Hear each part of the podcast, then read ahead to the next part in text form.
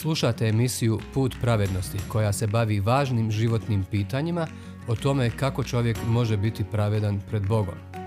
Ako imate bilo kakvih pitanja ili komentara vezano za današnju emisiju, na kraju ćete imati informacije kako nas kontaktirati.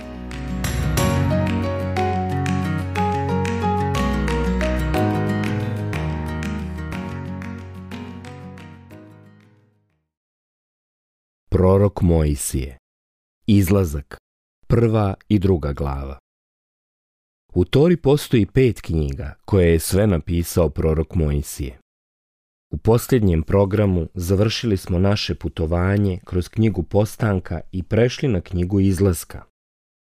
Molimo se Bogu da pouči naš um i srce dok nastavljamo naše putovanje kroz sveto pismo.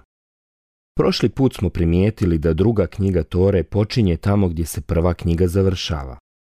Vidjeli smo kako su se potomci Abrahama, Izaka i Jakova, to jest Izraelci, smjestili u Egipat, daleko od zemlje Kanaan koju im je Bog obećao. Knjiga izlaska počinje ovim riječima. Ovo su imena Izraelovih sinova, koji su s Jakovom sišli u Egipat, svaki sa svojim domom.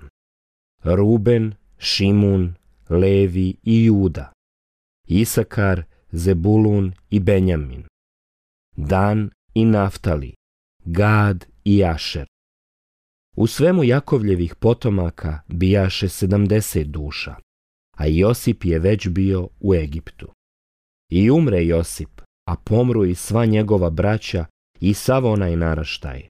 Ali su Izraelci bili rodni, namnožili se i silno ojačali, tako da su napučili zemlju. U to u Egiptu zavlada novi kralj, koji nije poznavao Josipa.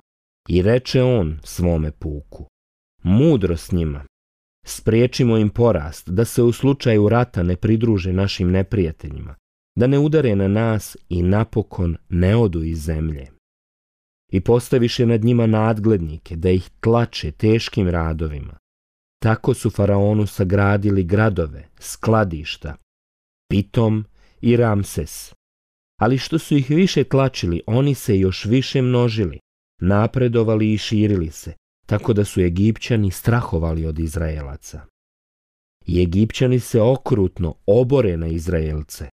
Ogorčavali su im život teškim radovima, pravljenjem melte i opeke, različitim poljskim poslovima, i svakovrsnim naporima koje im nemilosrdno nametahu. Izlazak. Prva glava od prvog do 14. stiha. Zaustavimo se ovdje. Više od 300 godina je prošlo od Josipove smrti. Drugi faraon je vladao Egiptom, kralj koji je zaboravio sve što je Josip uradio za ljude Egipta. Faraon je progonio narod Izraela, učinivši ih svojim robovima. Kako ih je samo natjerao da teško rade. Možda su Izraelci pomislili da je Bog zaboravio šta je obećao njihovom pretku, Abrahamu. O tome da će ih načiniti velikim narodom. Ali Bog nije ništa zaboravio. Bog je naprotiv bio u procesu ispunjavanja onoga što je obećao tako davno. Zaista, Bog je vjeran i održava svoje saveze.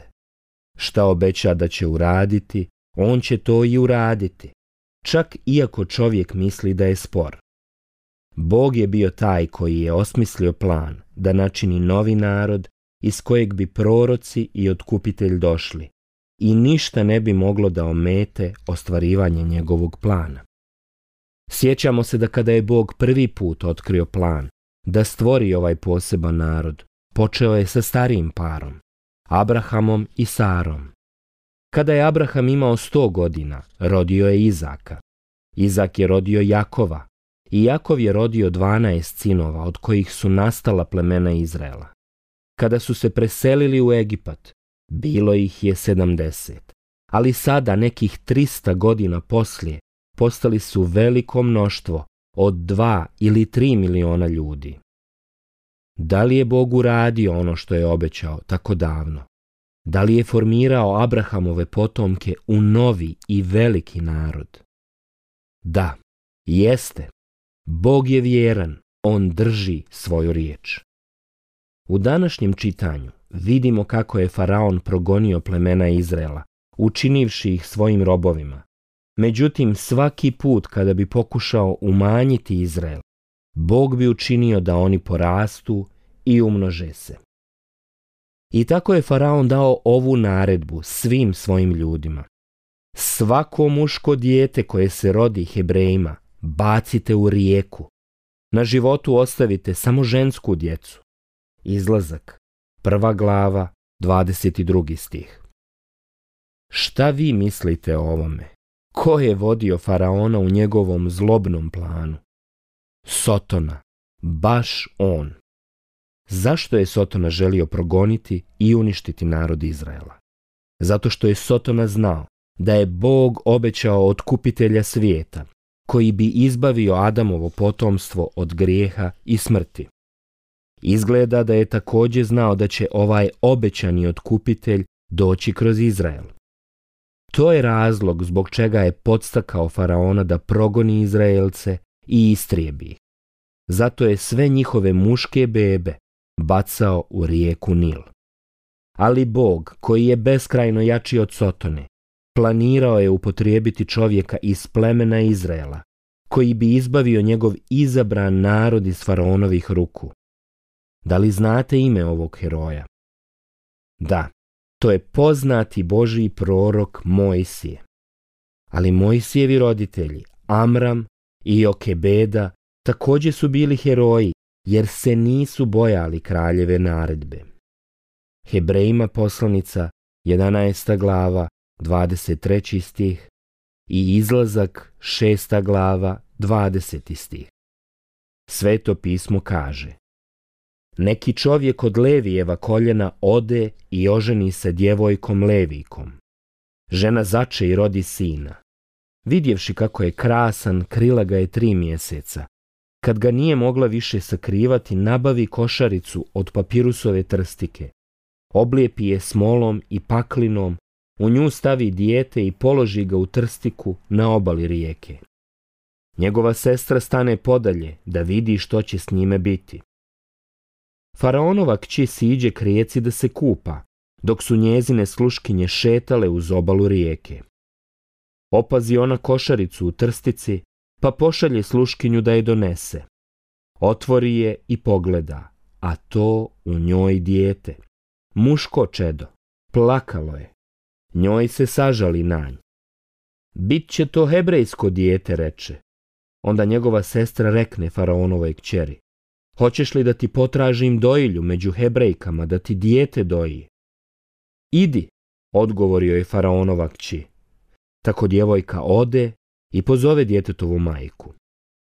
Uzmi ovo dijete, rekne joj faraonova kći, i odgoji mi ga, a ja ću te plaćati. Tako žena uzme dijete i othrani ga. Kad je dijete odraslo, ona ga odvede faraonovoj kćeri koja ga posini nadjene mu ime Mojsije, jer sam ga, reče, iz vode izvadila. Izlazak, druga glava, od prvog do desetog stiha. Da li vidite Božju ruku u ovome? Dok su druge muške bebe bile ubijane, Mojsija je odgajala njegova majka i štitio ga je faraon, sam zli kralj. Bog je imao svoju ruku u svemu što se događalo. On je planirao upotrijebiti Mojsija i izbaviti Izraelce od ropstva. Kako je duboka Božja mudrost, daleko nadmašuje mudrost Sotone ili čovjeka. Da li znate gdje je Mojsije odrastao poslije? Da, odrastao je u Faraonovoj kući, koji je, kao što znate, proganjao Izraelce. Ipak, Bog je namjeravao upotrijebiti Mojsija da izbavi Izraelce od faraonovih ruku. U njegovom planu Bog je izabrao čerku okrutnog kralja da zaštiti Mojsija. Bog je znao da bi faraonova kuća bila najbezbjednije i najbolje mjesto za Mojsija. Bog je znao da je postojalo mnogo stvari koje je Mojsije morao naučiti i razumjeti kako bi bio pravilno pripremljen da vodi Izraelce. Tako je odgojen u svoj mudrosti egipatskoj, bijaše silan na riječima i dijelima. Dijela apostolska, sedma glava, 22. stih. Ali Mojsije je i dalje imao mnogo toga naučiti. Njegova priča se nastavlja. Jednog dana kad je Mojsije već odrastao, dođe među svoj narod i vidje njegove muke. Spazi tada kako neki Egipćanin tuče jednog Hebrejca, brata njegova. Okrene se tamo amo i vidjevši da nikoga nema, ubije Egipćanina i zatrpa ga u pijesak. Izađe on i sutradan, te zateče dva Hebrejca kako se tuku. Zašto tučeš svoga druga, rekne napadaču. Ovaj odvrati. Tko te postavi za starješinu i suca našega, kaniš li ubiti i mene kako si ubio onog Egipćanina? Mojsije se uplaši, pa će u sebi. Tako, ipak se saznalo. Kad je faraon to dočuo, htjede Mojsija pogubiti. Zato Mojsije pobjegne od faraona i skloni se u Midijansku zemlju. Izlazak, druga glava od 11. do 15. stiha. U početku je Mojsije pokušao da svojom mudrošću i snagom izbavi Izraelce, ali Bog nije želio da se to tako uradi. Bog je želio upotrijebiti Mojsija kao instrument oslobođenja Izraelaca, ali njihovo izbavljenje nije trebalo doći od Mojsija, već od Boga. Sam Mojsije je bio samo čovjek, bez moći da izbavi Izraelce od faraonovih ruku, osim ako mu Bog ne bi dao tu moć. I tako, sve pismo nam kaže da je Mojsije živio 40 godina u pustinji, u Midjanskoj zemlji. Bog je imao mnogo lekcija da ga nauči u toj vreloj i suhoj divljini. Postoji stih u Božjoj riječi koji kaže Tko je vjeran u najmanjem i u najvećem je vjeran, a tko je u najmanjem nepošten i u najvećem je nepošten. Lukino evanđelje, 16. glava, Deseti stih. Prije nego što je Bog mogao predati Mojsiju težak zadatak vođenja izraelskog naroda, Mojsije je prvo morao pokazati vjernost u manjim zadacima. I tako, sveto pismo nam govori da je u zemlji dalekoj od Egipta postao pastir, oženio se i imao dvoje djece. 40 godina Mojsije je bio vjeran pastir. Tamo u divljini, dok se bavio stadom svoga punca, Boga je pripremao za dan kad će postati pastir izraelskog naroda. Bog je imao divne planove za Mojsija i za njegov narod, za Izrael. Sveto pismo dalje kaže Poslije mnogo vremena umre egipatski kralj. Izraelci su još stenjali u ropstvu. Vapili su, a njihov vapaj za pomoć sred ropstva uzlazio je k Bogu. Bog je čuo njihovo zapomaganje i sjetio se svoga saveza s Abrahamom, Izakom i Jakovom. I pogleda Bog na Izraelce i zauze se za njih. Izlazak, druga glava, od 23. do 25. stiha. Izraelci su 400 godina bili robovi u Egiptu, gdje su trpili veliko maltretiranje, ali Bog ih nije zaboravio planirao ih je izbaviti od ropstva. Mogli bismo se zapitati zašto je Bog planirao osloboditi Izraelce iz faraonovih ruku. Da li zato što su bili bolji od drugih? Ne, kao i Egipćani i kao i svi ljudi, Izraelci su bili grešnici. Zašto je onda Bog imao takve posebne planove za njih? Zbog njegove milosti i vjernosti. Pročitajmo ponovo posljednji stih. Bog je čuo njihovo zapomaganje i sjetio se svoga saveza s Abrahamom, Izakom i Jakovom. I pogleda Bog na Izraelce i zauze se za njih. Izlazak, druga glava, 24. i 25. stih. Bog se sjetio svog saveza s Abrahamom kada je obećao. Tada Bog reče Abramu, dobro znaj da će tvoji potomci biti stranci u tuđoj zemlji. Robovat će i biti tlačeni četiri stotine godina. Ali narodu kojem budu služili ja ću suditi. I konačno će izići s velikim blagom. Postanak, 15. glava, 13. i 14. stih.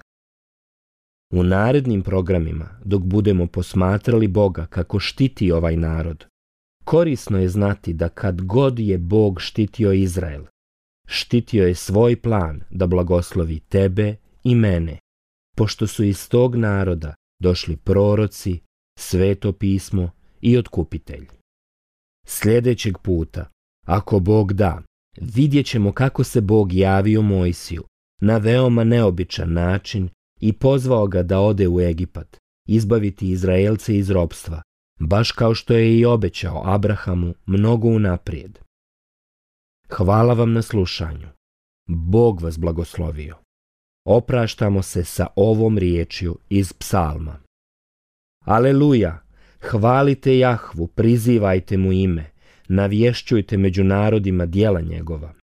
On se uvijek sjeća svojega saveza, riječi koju dade tisući naraštaja saveza koji sklopi sa Abrahamom i zakletve svoje Izaku. Psalam 105. Prvi, osmi i deveti stih.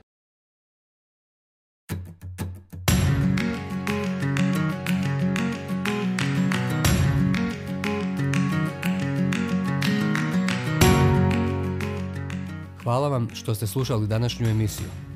Kontaktirajte nas putem našeg e-maila putpravednosti.bih.gmail.com ili putem naše Facebook stranice Put pravednosti. Do sljedećeg slušanja.